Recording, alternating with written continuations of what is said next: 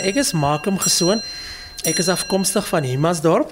My liefde vir klokke, antieke klokke spesifiek begin toe ek vir Gabriel Juweliers uh, gewerk het. Ek het vir Gabriel min of meer 10 jaar gewerk en ek werk nou omtrent 8 jaar vir myself.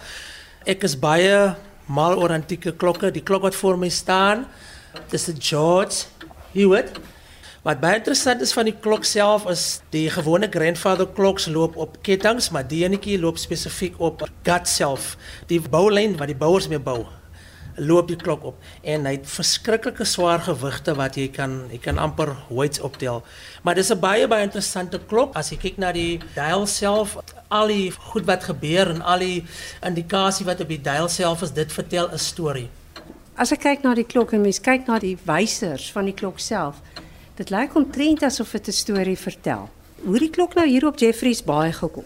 Ek het tevore gehad om te werk vir Dr Potgieter by Mansdorp en um, hy het my genader om te kom kyk na die klok en ek is plaas toe en ek die klok vir herstel.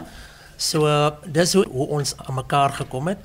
En ja, ek kon dit vir my herstel. Het. Ja, maar as mens kyk na hierdie is dan maar eintlik ongelooflik dat iemand nog sulke ou klokke ek ek sal heeltemal geïntimideerd voel om aan sulke klokke te werk. Mense het seker baie goeie kennis nodig. Definitief het jy goeie kennis nodig. Ek was bevoorreg om heelwat interessante mense in my lewe te oor die jare gehad het. En ehm uh, ek het verskillende klokmakers wat my gewys het hoe herstel jy klokke.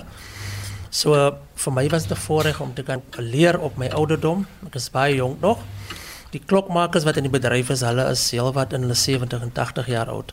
Hulle noem dit eintlik 'n dying trade omdat alles word nou modern gemaak met uh, nuwe die meganismes wat gebou word is battery operated.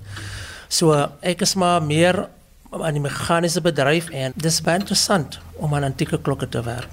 Dit vat verskriklik baie moed. Jy moet baie moed hê.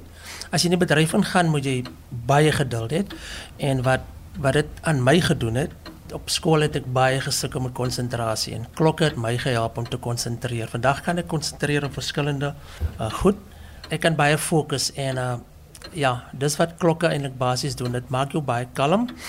Seker dit soms sukkel ek bietjie, maar en dan die volgende dag as ek begin, dan loop dinge weer mooi weer because dan het ek weer die moed om aan te gaan. So ek is baie excited vir wat ek doen. As hierdie klok nou uit 16 75 kom maar wil ek nie weet hoe sy oor die oseaan hierheen verskeep en dat hy dit nog oorleef het. Toe het hy nou uiteindelik op die plaas beland buite Imansdorp en nou is hy hier op Jeffreys Bay. Is 'n klok soos 'n klavier, as jy hom skuif moet jy hom stem. Definitief. Uh antieke klok soos 'n grandfather klok spesifiek die ene wat in die era uitkom. Jy kan hom nie skuif soos jy wil skuif nie. As hy op 'n plek staan, moet jy dit los niemand krap aan die klok nie. Niemand beweeg die klok nie. Hy's baie baie sensitief as hy. So as hy loop, los hom laat hy loop. Ja, maar ek het nou gehoor hoe, hoe groot lawaai maak hy.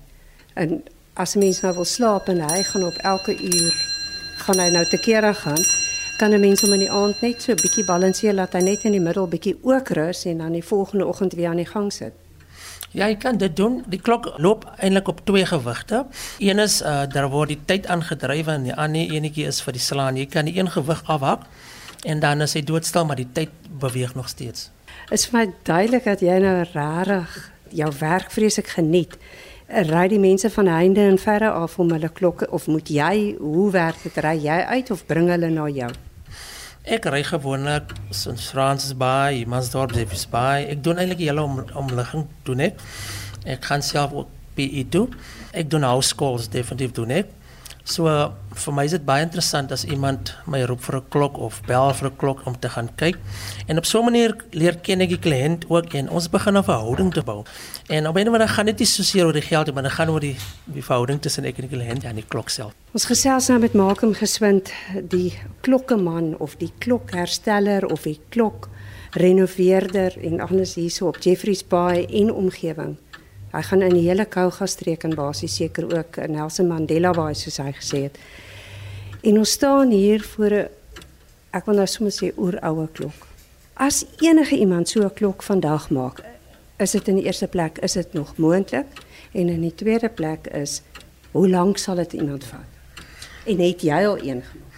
Om so 'n klok te maak, dit gaan 'n tyd vat omrede waarom die parte is gediscontinue.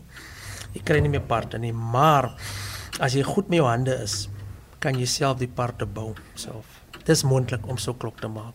Het jy Ek het nog nie, maar ek is van plan binnekort om een my eie klok te bou self.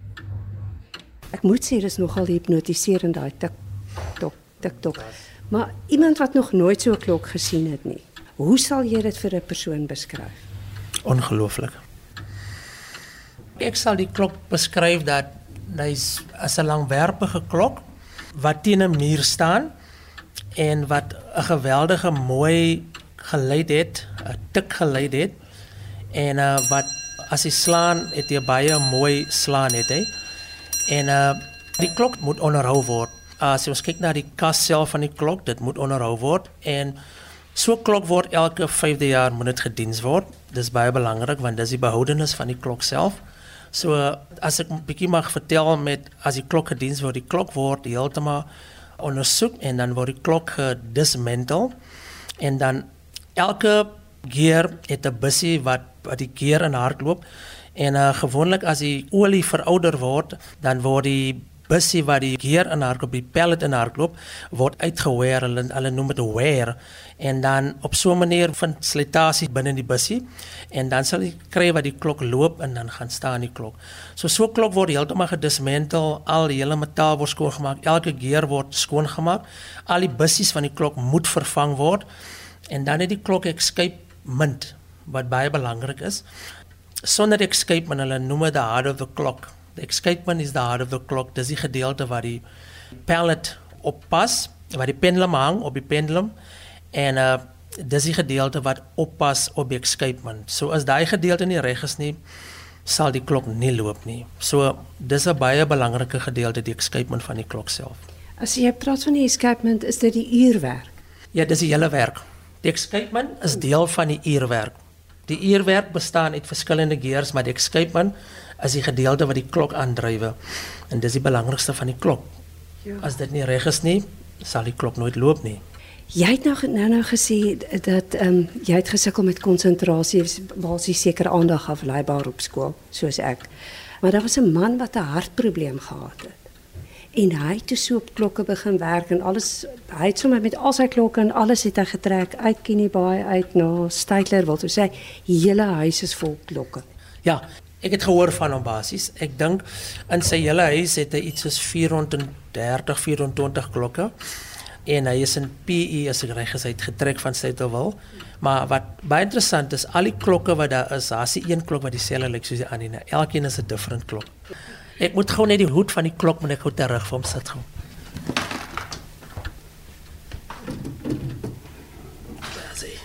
George Hewitt 1675. Liewe ouer. Dis reg ja, 1675. George Hewitt. En uh ek is baie mal oor antieke klokke. Dis dis baie interessant.